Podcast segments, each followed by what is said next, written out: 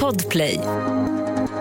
Hej! Hasse Brontén heter jag och det innebär att du lyssnar på ett alldeles rykande färskt avsnitt av podden Snutsnack. Jag har idag gästats av Kenneth. Han har varit kriminalpolis i stort sett hela sin polisiära karriär och berättar idag om ett ärende mm, som man ju verkligen förstår sitter kvar i minnet. Ni kommer strax få höra vad det handlar om. Stötta gärna Snutsnack om du tycker att det är en bra podd. Bli Patreon. Gå in på patreon.com snutsnack och ta del av det bonusmaterial som jag lägger upp där. Annars finns vi på Facebook och på Instagram och häng gärna med oss där. Du är hjärtligt, hjärtligt välkommen. Ja, det har blivit nya restriktioner i pandemin eh, när vi spelar in det här så därför än en gång var extra försiktig eh, där ute. Och så hoppas jag att du får en väldigt trevlig lyssning. 1310 1070 kom. 1310 Odengatan kom. Ja, det är uppfattat. Vi tar det. Slut. Bra. Klart slut. Inspelning här och säger jag varmt välkommen till Snutsnack Kenneth. Ja, tack. Tack för det. Ja, det var det lilla. Nu sitter vi faktiskt båda två i Västerbotten. Jag sitter i Umeå och spelar in och du befinner dig var? I Skellefteå, på mitt kontor. I Skellefteå. Premiär med en polis från Skellefteå. Men du, men du har ingen sån klassisk eh, Skellefteå-dialekt? Nej, men jag, jag kommer inte härifrån utan jag kommer ifrån ifrån eh, Ångermanland och jag har väl inte heller kvar dialekten därifrån för jag har jobbat i Stockholm i många år. Mm. Så att eh, jag har väl blivit lite, ska man säga, avprogrammerad. Ja, en del blir det. En del tar ju åt sig dialekten väldigt snabbt där de befinner sig. Och en del tar aldrig åt sig någonting. Så det är lite märkligt. Ja, ja, men jag har haft ganska lätt för mig kanske ta åt mig av, av dialekter där jag befinner mig. Men jag jobbade ju också i Östersund i många år och eh, en viss eh, del av jämtländskan kanske smyger sig in ibland sådär. Men någonting från Västerbotten har jag faktiskt inte det har jag inte lagt mig till med faktiskt. Men när du var, när du var färdigutbildad polis, då, var, var började du någonstans då? Ja, då började jag faktiskt i, i Kramfors. Jag skulle egentligen börja på Klara i, i Stockholm och eh, men sen så kom rekryterings eh, där och frågade, eh, du, jag hette Berglund på den tiden, då Mm. kom han så här, kom inte du, kom inte du norrifrån någonstans? Jo, så jag kommer ifrån jag sa Sollefteå, för jag kommer från en by som heter Näsåker som ligger fyra mil norr om Sollefteå. Men det är ingen som vet vart det ligger så att jag sa Sollefteå. Okej. Ja, han, han hade väl inte heller någon bra geografisk orientering direkt så han frågade liksom bara så, ligger det långt från Kramfors? Nej, så det är fyra mil. Okej, skulle du kunna tänka dig att göra aspiranten i Kramfors? För de har aldrig haft någon aspirant där. Oj. Ja, jag måste ju snacka med min sambo då. Och vi hade ju en tös på den tiden som var ju ett år lite drygt. Mm. Så att eh, vi bestämde oss för att ja, men vi provar Kramfors. Mm. Och det gjorde jag då min aspiranttjänstgöring på ordning och krim och trafikpolisen. Eh, det gjorde jag i Härnösand. Och det var ju en fantastisk eh, fin tid men jag kände ändå att ja, inget fel på Kramfors men jag hade fått smak på kriminalpolisverksamheten därför att min handledare på krim han var så otroligt peppande och eh, ville att jag skulle verkligen satsa på det här med kriminalpolisverksamhet. Jaha, så han, hyfsat? han pushade dig alltså, din eh, handledare? Ja, ja absolut. Han pushade mig stenhårt sådär för han hade då själv jobbat i Eskilstuna i många, många herrans år. Bland annat eh, när den här tragiska händelsen när polisen då Ragnar Sandahl blev skjuten där i, eh, i Eskilstuna. Okej. Men så att, eller Nyköping. Så han hade ju då väldigt, eh, ska man säga, stora cirklar om saker och ting och då sa han att ah, men Kenneth, eh, om du vill utvecklas som krimmare då ska du nog inte vara kvar här kanske. Mm. Ja, Okej då, tänkte jag. Men det, var ju, det var ju fina ord och uppmuntrande sådär för att han la ett stort ansvar på mig när vi var och gjorde brottsplatsundersökningar. Han sa ja, men det är bara att du penslar på med kolpulver här. Det får bli hur sotigt du vill. För, förr eller senare så, så kommer du till att få träff och då får du smaken på det goda, sa han. Mhm. Jaha, tänkte jag liksom. Och han sa också att eh, det vi ska hålla förhör och sådär. Ja, men du kan ju vara lite förhörsvittne så här i början, han. Men sen så ser du ungefär hur jag har lagt upp det och, och sen är det bara liksom att du kör på själv då. Just det. Ja, så att jag sökte ju då när jag var klar med alterneringen, bara två, två, tre månader efter att jag var klar med alterneringen, då sökte jag och fick en inspektörstjänst i Nacka Jaha. som, som krimmare och det var ju bara så här att när jag berättade för dem i Kramfors, de här äldre gubbarna, för det var mest gubbar, det var någon gumma också, men när jag berättade att jag hade sökt till Stockholm och att jag hade sökt en inspektörstjänst. Oj, oj, oj, sa de. Sök vilken fantasi du har. Och eh, som tror att du ska kunna få en sån tjänst. Men det är klart, de hade, väl, li- de hade väl lite mindre omsättning där uppe i Kramfors än vad de har i Stockholmsområdet. Precis. Och, och då sa jag det, om jag inte söker kommer jag aldrig till att få den. Men så fick jag då först ett, ett eh, krensbevick som det heter på den tiden och det varade ju inte Ja, det var det bara någon eller några månader. Sen fick jag en, ordinarie sedan. Och eh, då var jag ju i Nacka typ i tio år. Så det rullade på där som bara den. Och det var ju en jättefin utveckling och fantastisk trevliga arbetskamrater. Och, ja, men det är helt, helt sagolikt bra och eh, också ett ganska bra distrikt kanske för en norrlänning att komma till för att man hade ju skärgården och det var många saker som påminner lite grann om Mm. Norrland faktiskt. Just det, just det, just det. Men då, då var du egentligen knappt på ordningen alls, eller? Nej, jag har inte gjort, jag har inte gjort eh, någon tid på ordning. Jag gjorde bara lite extra pass här på sommaren och sådär men det, det är inte mycket. Nej. Ja, det är intressant, för att på- många är ju, det blir ju några år oftast på ordningen för de flesta. Ja, precis. Men, men eh, det var inte så att jag var...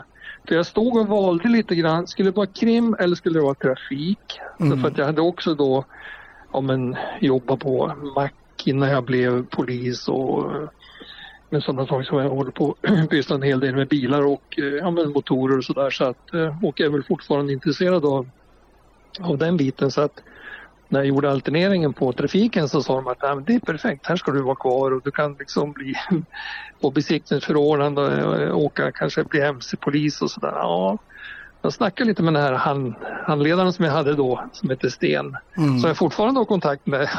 Han är, han är, han är 95 år idag. Coolt. Så att eh, när det har varit så här tunga beslut i, i, i polislivet och man liksom vill ha second opinion på saker och ting, då kan man ringa till honom. Han har alltid liksom kristallklara kommentarer. Ah, vad häftigt, vad häftigt. Men, Men, då, han, men då sa han ju då att ja, men, trafik, nej, men det, det, nej inte trafiken. Utreda brott, det är det du ska göra. mm. Ja, det var ju svårt att ändra sig för att han hade ju verkligen taggat upp mig som bara den och eh, ja, ja. Men den hur, vägen många, blev hur det. många år har du varit på krim nu då och utrett brott? Hur många år har det blivit för dig? Totalt på krim så måste det väl ha varit eh, tio. Eh, och sen var jag ju krimchef i Östersund i, i sex år, det är 16.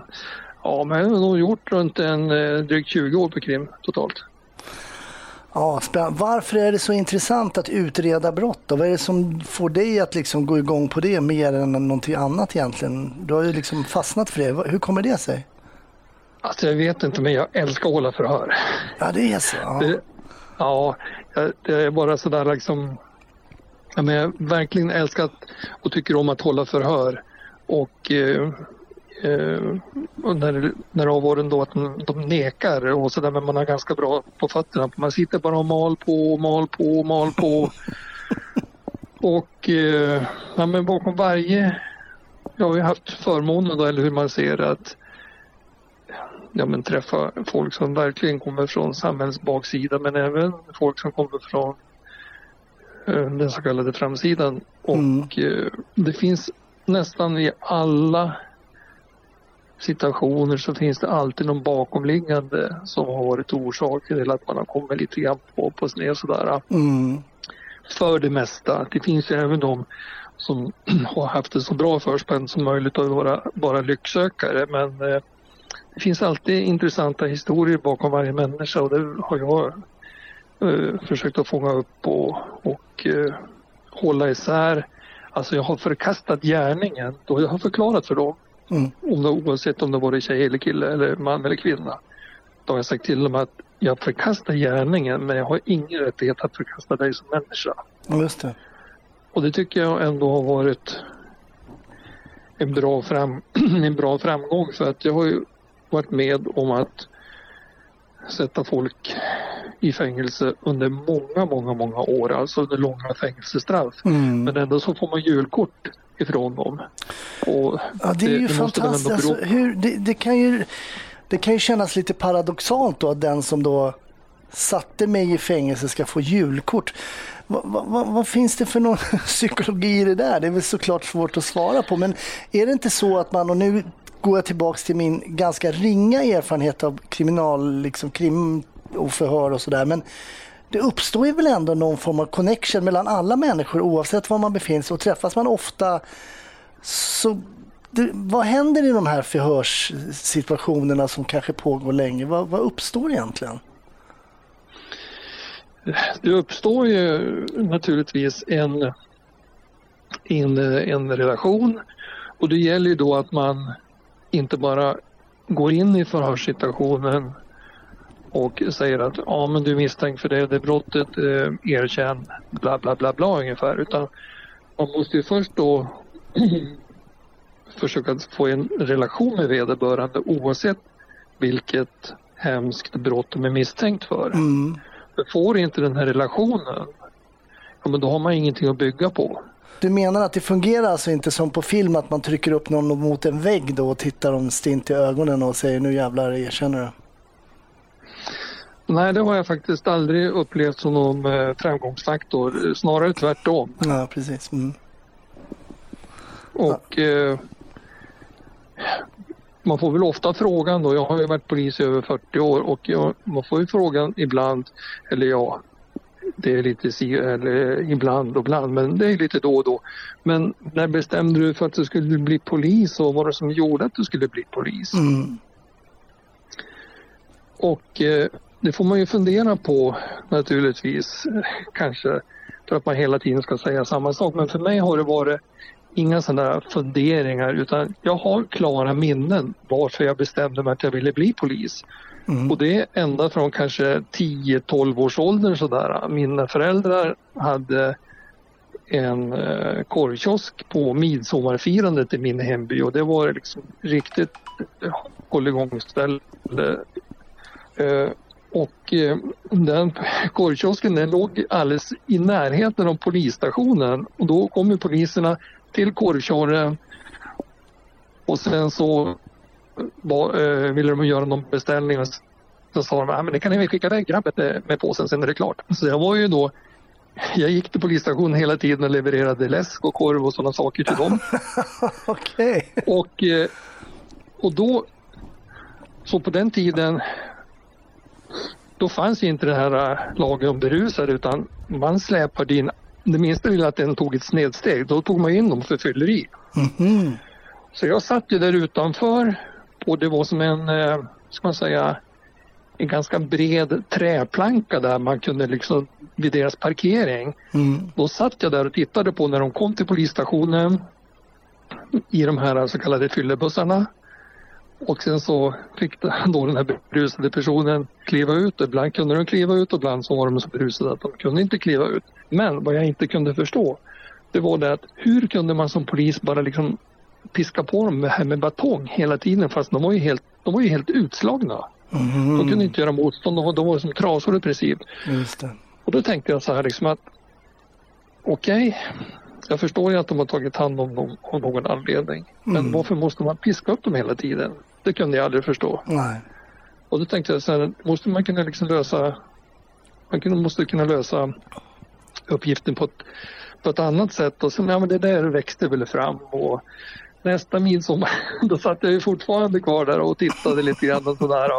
Men så blev jag också äldre naturligtvis. Mm. Och då var inte jag där och, och tittade längre. Men det var ändå kvar i bakhuvudet så mm. tänkte jag att ja men eh, så gick jag gymnasiet och så jobbade och så småningom när det växte fram mer och mer till slut hade jag känt att nej, men jag, vill, jag vill faktiskt bli polis och så har jag alltid varit intresserad av det här med, med brott och läsa om olika historier och inte så mycket om det själva liksom inte det bestialiska i brottet utan mer så här liksom kanske också bakomliggande orsaker, hur gick det till och mm. ja, jag, har varit, jag har varit intresserad av det.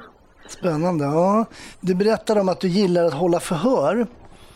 Ja. Och det finns ju poliser och det jag märkte under mina, min 20-åriga liksom anställning är ju att en del poliser är ju extremt duktiga på att hålla förhör. En del poliser är väldigt, jag ska inte säga väldigt dåliga, men mindre duktiga på att hålla förhör i alla fall.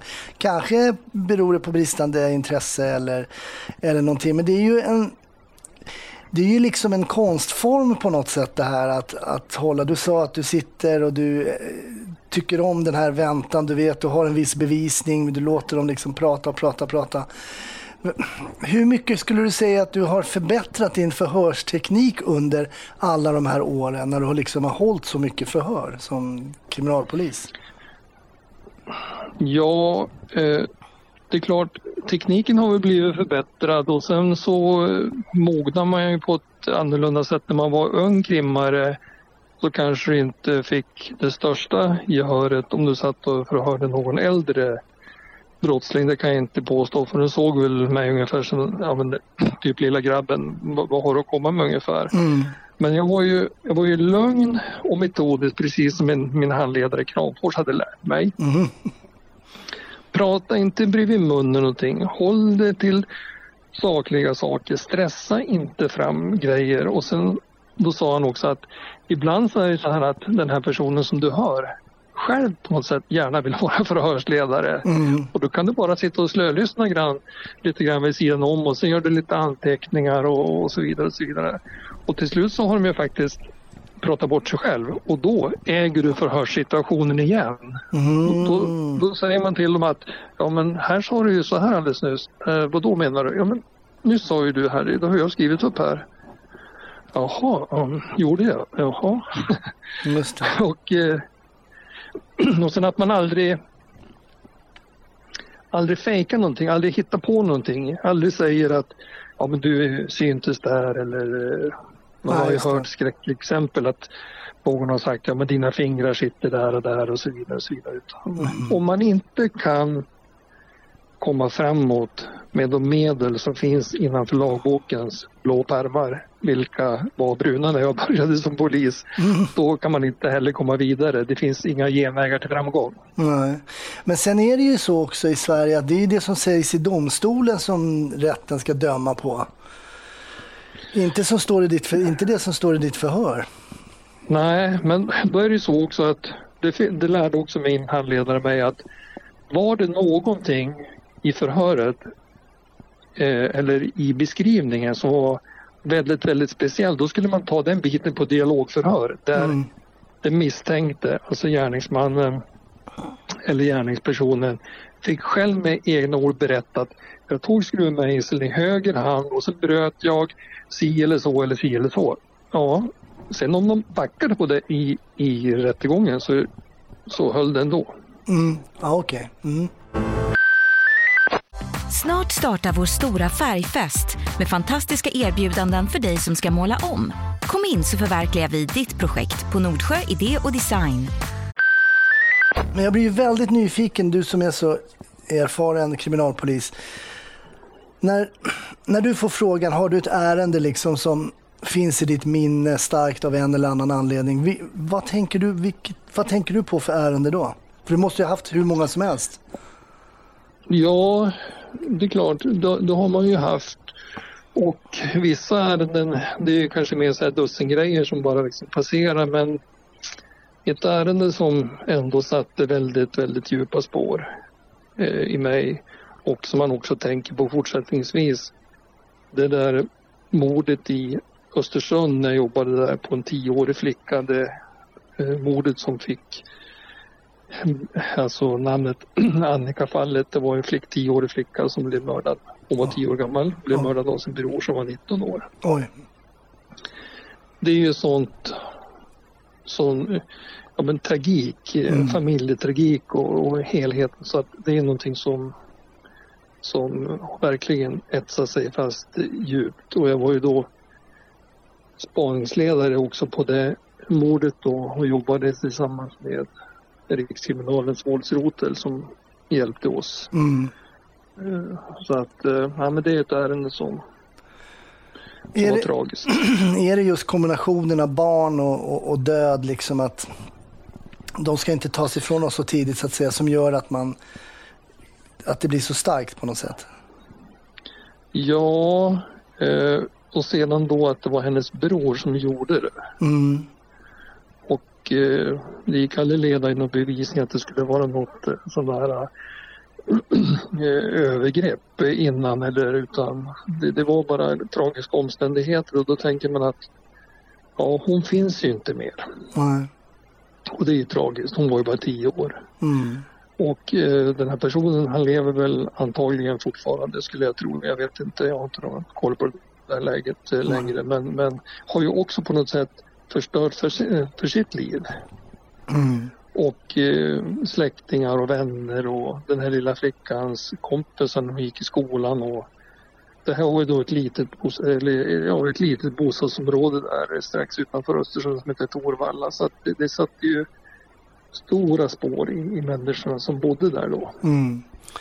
Men du som då var spaningsledare på det här, hur, hur hanterar du sådana här grejer när det dyker upp sådana här lite mer exceptionella fall då som till exempel en, en tioårig flicka som har blivit mördad av sin, av sin äldre bror. Hur, kan du alltid gå hem och liksom bara släcka lampan och, och, och somna som vanligt? Eller ligger du och nöter sådana här grejer? Hur du ska hålla förhöret, hur du ska prata med den här, hur du ska lägga upp ärendet. Hur, hur, fungerar, hur fungerar du rent liksom mentalt? Och det är klart, i det här ärendet så höll inte jag själv några förhör utan Nej. det var andra som höll förhören. Men hur man nu lägger upp det här och det, det mal ju hela tiden i huvudet. Och jag hade ju tre barn vid, vid det tillfället som, var, eh, som inte var så gamla. var ju eh, åtta, nio och eh, 14 år. Mm. Eh, och det är klart, hur, hur förklarar man för dem? Men det var inte någonting jag kunde berätta att, eh, så, så detaljerat. Men det är klart, flickan som var då 14-15 då, hon, hon följde med i debatten och i skolan och, och sådana saker. Och jag och då pappan var i tidningen var varannan dag och, och in på tv och i alla möjliga media. Mm. Men eh, hur, hur, hur lägger man upp saker och ting? Det, det var ju det var ett himla svårt arbete kan man säga. Mm. Eh, för att hon försvann ju då en måndag eftermiddag den 13 januari 92 om jag inte minns helt fel. Mm. Och eh, på tisdag morgon då läste jag tidningen om att den här flickan då var försvunnen. Mm. Och då tänkte jag bara så att mm, nu kommer man inte komma hem på ett bra tag innan det här är löst. Okej, du kände det alltså redan där. Ja, kände- var det någon ja, gut feeling då på något sätt? Ja, för jag hade också då jobbat med, med eh, liknande ärenden när jag var i Stockholm. Inte med barn eh, som var bragda om livet, men med vuxna. Så jag vet ju ändå vilket jobb det är med det hela. Mm. Jag tänkte också när jag kom till jobbet då att en sån här händelse, ja men det kanske händer var 15, det var 20 år i en stad som Östersund. Mm. Så vad finns det för kunskap? Vad finns det för beredskap? För jag var ju ganska ny som krimchef. Jag hade ju bara varit krimchef i drygt ett år när det där inträffade. Just det. Och eh, det fanns ju individuella kompetenser som var höga i Östersund. Men man hade inte jobbat tillsammans i spaningsgrupper och sådana saker och, och eh, ja, jobbat mer organiserat. Och då tänkte jag bara så här att mm, det, här, det här kommer inte till att gå bra om jag inte nu direkt ringer till Rikskriminalens våldsrotel. Och då gjorde jag det. Okej. Och sen fick vi ju hjälp därifrån bara efter någon dag. Och eh, ja, när det hade gått en tre, fyra dagar då anträffades ju den här flickan under sin mammas säng. Oj. Och det var ju bara en, också en chock. Alltså hur, hur kunde hon vara där? Ja, Jag frågade ändå, jag frågade ändå som spaningsledare, har ni sökt överallt i lägenheten? Ja, då var det någon kollega som sa, ja, vi har till och med kollat i kastrullskåpet ungefär, haha. Så då, då tänkte jag, då behöver inte jag ställa några fler frågor. Har, man, har man sökt överallt, har man sökt överallt. mm.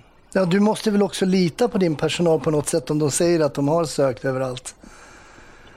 Ja, men eh, absolut, man kan inte, för det, är kompetenta personer därför att det var ju då poliser med erfarenhet ifrån eh, brottsutredande verksamhet som ändå var, gjorde de här undersökningarna. Så att jag kände ju stor tilltro till dem. Mm. Och eh, de, de gjorde ju fina utredningar i, i vanliga fall. Ja, med, alltså mindre allvarliga ärenden. Så att det var ju noggranna och duktiga personer. Men Hur tror du att man kan missa? För det låter ju... Man, på polisskolan så gjorde man övningar när någon hade dolt en kniv eller en kanyl eller något sånt där och man var stressad och sådär. Men egentligen är det ju noll stress i ett sånt ärende att komma in och söka efter en person. Och en person är också ganska stor, eller hyfsat stor även om man är tio år. Ja, det, det var ju så att vid det där tillfället så hade vi fått vittnesuppgifter som, som eh, gav vid handen att man hade sett den här flickan eh, utomhus. Mhm. Och eh, därigenom så blev det ganska mycket skugga på hennes eget, eget boende. Men i normalfallet så börjar man ju väldigt inifrån där de bor och uppehåller sig mest och sen går man ju ut i söket och Mm. inte utifrån och indirekt. Nej, precis. Ja, det är klart. Så, jag, nu, vet eh, inte jag, nu vet ju inte jag eller någon annan som lyssnar hur hon låg. Hon kanske var dold eller något sånt där. Eller låg, hon, låg kroppen helt synligt så att säga? Nej, utan det var ju så att eh, i det här sovrummet, i mammans sovrum som tillika var flickans sovrum. Mamman och flickan delade säng. Det var en, typ en bredare säng. Det var ingen så här vanlig smal säng utan en bredare säng. Mm. Så var det ett överkast som hängde ner från sängens, eh, ja, själva bädd ner mot golvet. Mm. Och eh, efter att det hade gått några dagar, det, hon försvann ju på måndag eftermiddag och på torsdag ungefär vid 13-tiden samma vecka så har familjen besök av en morbror till flickan. Alltså en morbror på så vis att han är gift med flickans eh, mammas syster. Mm. Och då sitter han på den där sängen och eh, ska prata i telefon. Det fanns inga mobiltelefoner på den tiden. Ja, någon enstaka fanns det ju. Men då skulle han prata i telefon, men då var det så att den han skulle ringa till, det var upptaget så han lägger väl på luren igen och sen sitter han där och sen får han bara en ingivelse att han ska titta under sängen. Mhm. Så han böjer sig ner, lyfter på överkastet som hänger ner och ser då att det ligger någonting där under Åh. som han direkt förknippar med att det kan vara den här tjejen. Mm. Men han tar inte fram henne, han pratar ju inte med de andra i lägenheten för det fanns ju mera släktingar som var där utan han, smart som han är, går ut från lägenheten, går till den tillfälliga polisstationen som man har upprättat på platsen eh, vid det här lilla centrumet Mm. och kontaktar en polis där och säger att jag har gjort en fruktansvärd upptäckt. Oj, det var ju väldigt kyligt av honom. Ja, det var väldigt kyligt. Och eh, sen då då blir det ju ett gripande både av den här flickans mamma och av den här br- brodern då. Mm. Och eh, de övriga människorna som är i lägenheten de, de eh, får ju gå därifrån. Mm. Var pappan inte, han fanns inte i... Nej, han fanns inte i bilden utan det här var ju då ett, eh, en separerad familj. Mm, jag förstår. Hur mycket press skulle du säga att du känner som spaningsledare i ett sånt här då både allvarligt men också väldigt uppmärksammat kan jag tänka mig att pressen och lokalpressen var väldigt intresserade. Och så här. Hur mycket press känner du på att du verkligen vill lösa det här? Alltså lösa det, komma fram så nära sanningen och så nära det händelseförlopp som faktiskt tidigare har inträffat? Ja, den, den pressen det var, ju, den var ju obeskrivligt stor. Alltså den var ju helt enormt stor. Därför att när jag kom till jobbet då på tisdag den 14 januari 92 då hade man ju gjort en del saker på eftermiddagen, kvällen, halva natten, på måndagen, det vill säga dagen innan. Och då hade man ju inte skrivit spaningsuppslag i grövre brottmål eller sådär utan jag, det jag fick det var i princip en liten kartong med eh, jättemycket lappar. Mhm. Och hur, hur fasen sorterar man upp det här och sen då hela tiden media som låg på. Eh, hela riksmedia låg på, tv låg på och sen är det då närhet till, till Norge. Norska medierna låg på. Det Mm. var ett enormt ös alltså. Det var som att stå i, i vad ska jag säga, en sån här snökanon hela tiden. Ja, jag förstår. Och eh, då tänkte jag bara så här att jag samlade ihop alla utredare i Östersund och sa att det här måste vi se på absolut fullaste allvar. Och vi utreder de här brotten så sällan så att vi måste ta hjälp av eh, Rikskrims våldsrotel. Ja, men hur får vi hit dem då ungefär? Ja, men så jag gör en trevare. Jag ringde och kollade och då hade de precis nyss kommit hem till Stockholm igen efter att ha varit på ett grovt våldsbrott i Gävle så att de var ganska tröttkörda. Mm. Men deras chef då förstod ju våran belägenhet i det hela så att eh, de kom ju upp och eh, hjälpte oss med att strukturera upp hur jobbar man med så här grovt brott. Mm. Och eh, de lokala poliserna då fick ju olika direktiv utifrån den här gamla mordbibeln om du har hört talas om den. Hur man Mm. jobbar med grova våldsbrott eh, förr i tiden. Om man säger så då att man bildar spaningsgrupp och inre spaning och registrator och ja men hela det där det byggde man ju upp ifrån, ifrån Rikskrims våldsrotel. Mm. Så att, men, men det var ju hela tiden den här, för att åter till din fråga, det var ju en enorm press. Enorm press. Vad gör polisen? Vad gör socialförvaltningen? Så började det gå rykten om att den och den hade varit synlig. Man förknippade med andra, andra våldshändelser som hade hänt där. Och vad gör, vad gör polisen? Har ni läget under kontroll? Och eh, då var det bara intala sig själv att det absolut sämsta man kan göra nu det är att man stressar upp sig. Mm. Så det var ju hela tiden att köra lugnt och metodiskt. Och till saken hör också som jag tror att jag hade en liten fördel av. Det var något år innan, då hade jag fått gått en veckas mediautbildning. Jaha. Så att jag hade en viss erfarenhet. Hur upprättar man ett pressmeddelande? Hur skriver man en pressrelease? Och sen så vill jag också för min egen skull veta hur agerar jag på de här olika pressträffarna? Så att våra kriminaltekniker de fick ju filma presskonferensen tillsammans när media var där och filmade. Mm, så att du själv egentligen kunde- skulle se hur du, hur du uppträdde Exakt, då? och då, Mm. då kunde jag gå tillbaks och se hur agerade jag? Ja men det var inte bra. Ja men det var faktiskt ganska bra som du gjorde Kenneth, kunde man säga till sig själv. Mm.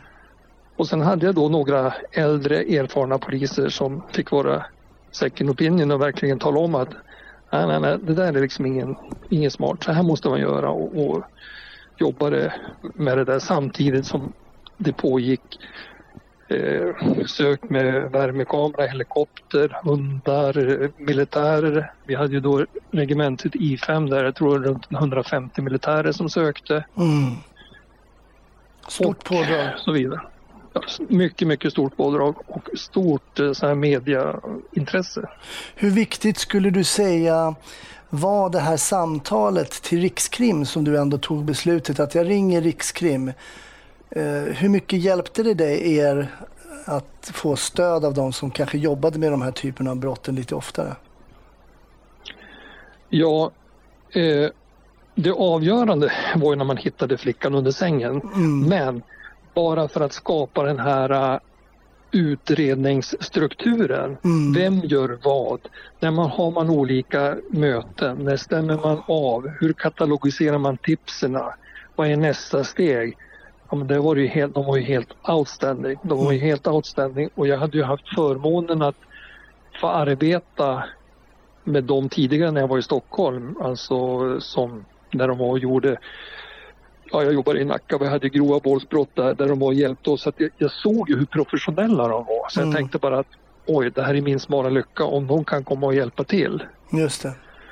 Och det i sin tur, det gav ju också ett förtroende till mina medarbetare i Östersund att jag tog ansvar för den här händelsen genom att kontakta de som var verkligen duktiga Mm. som jobbar med det här varje dag. Just det. Vi var i Östersund vid den tiden så var ju vi jätteduktiga på att jobba på eller jobba med, med grova stölder, jaktbrott, hembränning, ja men vardagsbrottslighet om jag säger så. Mm. Men sådana här stora och äh, fruktansvärda brott, det, det, det hade vi ingen större erfarenhet av. Nej. Så att genom, att genom att jag visade på något sätt att vi är inte starka här, men tar vi in kompetens som håller på med det här varje dag, då blir vi också starkare.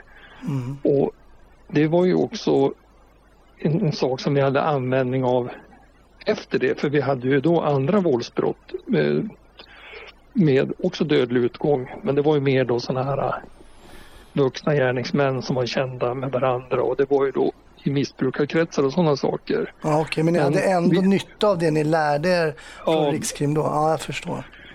Absolut, och de var ju så himla lugna och erfarna de här från eh, Rikskrim. Det var ju ingen stress eller press eller sådär utan det var liksom strukturerat, lugnt, många möten varje dag där man gick igenom olika saker, vad som hade hänt och grupperna var ju hela tiden med och, och eh, nej, men det var en stor delaktighet och Mm.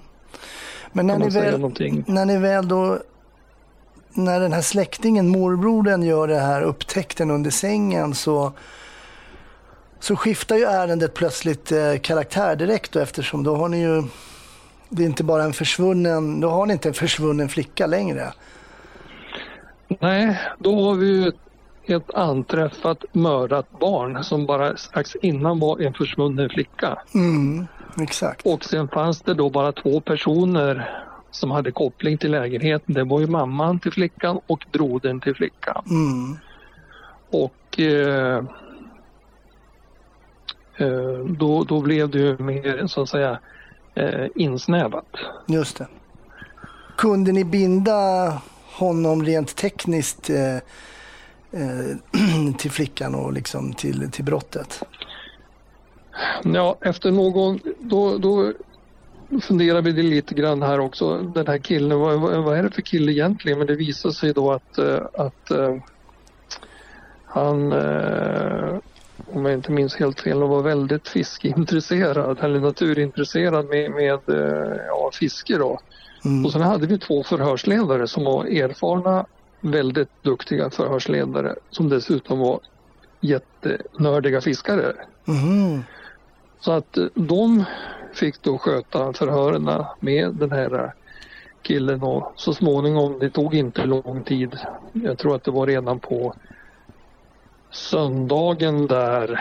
eh, då erkände han ju för, för dem att det var han som hade bragt eh, sin syster om livet och han berättade då eh, ganska detaljerat hur, hur det hade gått tillväga och så vidare och eh, sa Okej. att mamman hade ingenting med det där att göra och om jag inte missminner helt så hade väl också mamman då nå kvitton från en affär som stämde också överens med, med tider som hon hade uppgett så att eh, mamman blev ju då släppt efter någon, några dagar och eh, den här brorsan då han, han eh, blev då, när de var anhållen så blev han häktad då så, så, så blev han ju dömd. Jone hade ju frihetsberövad mamman då som senare visade sig vara oskyldig och jag tänker att vara frihetsberövad för att ha mördat sitt eget barn och vara oskyldig måste ju vara en oerhörd känsla. Jag menar, tänker man på en sån sak som spaningsledare i ett sånt här ärende till exempel?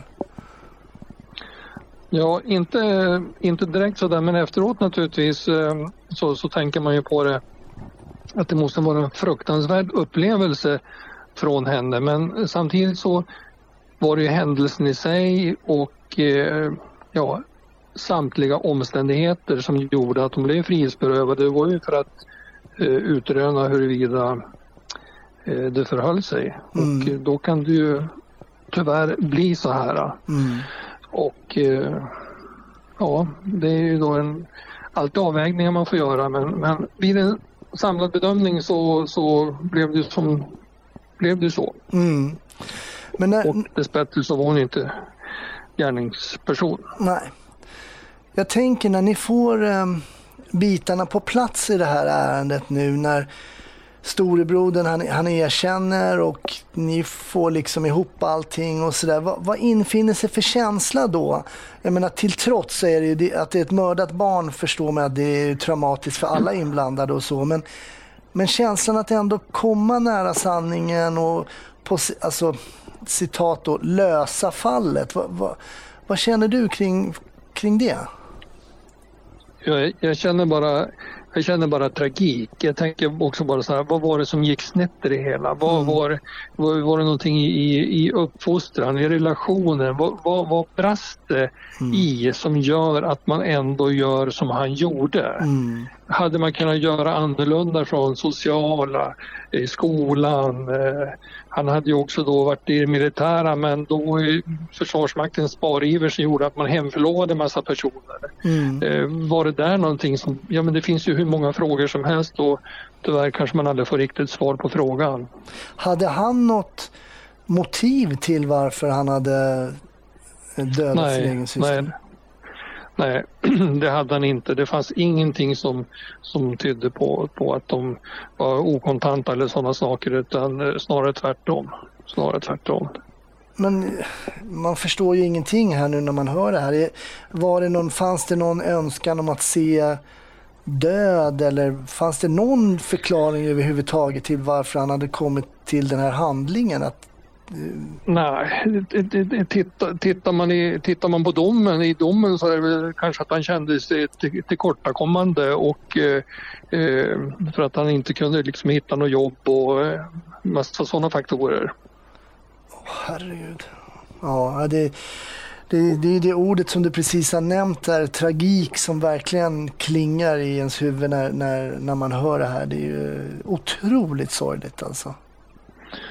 Ja, precis. En, en så ung person eh, som gör en sån otrolig eh, eh, ja, hemsk eh, gärning alltså mot ett så litet barn och, och sen en, spelar ingen roll om det är sin, sin syster eller vad det nu är frågan om men, men för det är ju också en person som inte har någon större livserfarenhet och, och Mm. eh, nej, tragiken och, och eh, det enda jag kommer på och det kan innefatta hela registret på, på dåliga saker. Mm. Hur landar man efter ett sånt här ärende då? När man på något sätt, jag kan ju tänka mig att det ändå är en ganska stor anspänning här. Du berättade ju om början av veckan med media och till och med Norge hör av sig eh, eh, Ja. från pressen. Hur, hur landar du i, i, i det här sen när det liksom på något sätt är klart?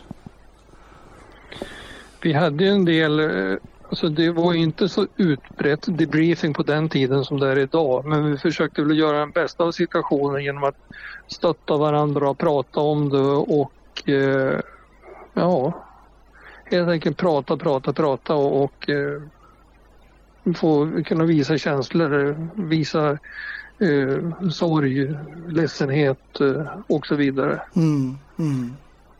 Vi hade ju också då genom företagshälsovården möjligheter att kunna gå på och eh, få eh, samtalsstöd. Mm. Nu kommer inte jag ihåg hur många som valde det. Själv eh, så gjorde jag inte det utan jag tyckte väl ändå att jag kunde bearbeta det här genom att prata, prata med andra och samtidigt så kände jag också fortfarande ansvaret. Jag var tvungen att att ja, men, ta hand om mina medarbetare och, och kolla hur de mådde och Mm. det gjorde också i sin tur på något sätt att jag eh, ja, genom att prata mycket med dem så tror jag att jag också bearbetade min, min, min egen eh, på något sätt sorg eller frustration man ska säga. Just det, jag förstår.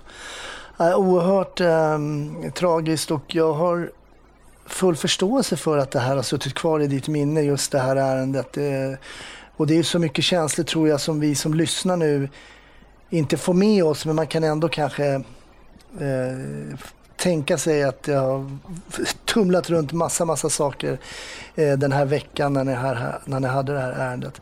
Men vad gör du idag då? Du sitter ju idag eh, i Skellefteå.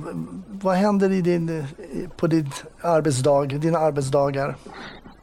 Ja, i, idag håller jag på med helt andra saker. Idag är jag då tillförordnad sektionschef för en för fyra stycken förvaltningsrättsgrupper, tre vapengrupper och en tillståndsgrupp. Så att vi håller ju mest på med ärenden som rör ordningslagen och vapenlagen när det gäller då eh, utfärdande av vapenlicenser men också naturligtvis mycket återkallelser på grund av misskötsamhet eller andra anledningar. Och eh, när det gäller ordningslagen så är det ju då speciellt inom corona här nu då att det är 50 personer ena veckan och 300 andra veckan och då har det väl kommit något nytt idag som det är bara åtta stycken som får samlas samtidigt. så att, eh, i, i, idag håller jag helt och hållet på med förvaltningsrättsliga göromål och har gjort det nu under några år. Vilket är ganska långt från mordfall. Ja, precis. Det är väldigt långt ifrån mordfall. jag går fortfarande igång på dem om jag säger så att jag är, jag är intresserad och jag följer med sådana här som i huvudet på en, på en mördare tittar jag på och mm. eh, efterlyst och lite sådana saker och tänker väl att så, mm, det är Tittar, du mest, när- tittar när- du mest på faktabaserade eh, dokumentära saker eller tittar du även liksom på fiktion och det som, inte, det som är lite mer flykt från kanske verkligheten? Nej, det där med fiction har, har jag, jag har inte rikt, riktigt blivit fångad av. Nej. Så då, eh, om du skulle tipsa lyssnarna kring någonting då, är det någon, eh, någon dokumentär då kanske eller? Ja, eh, nu skrivs en hel del om det här Helenmordet i Hörby faktiskt, eh, som är väl en dokumentär. Jag har Ja. inte tittat så mycket på det, men, men det, det verkar ju vara eh, intressant. Och tittar man på filmer eller serier eller sådana saker så tycker jag väl en serie som var eh, ja, ganska trevlig egentligen och lättsam. Det var den här Spanarna på, på Hill Street och, den här omtanken till varandra och, de bitarna. Just det. Kommer man ju faktiskt ihåg namnet på några fortfarande. Belker kommer jag ihåg, han civila Ja, killen. Belker med den stickade mössan som alltid eh, morrade som en hund ungefär. Ja, men precis.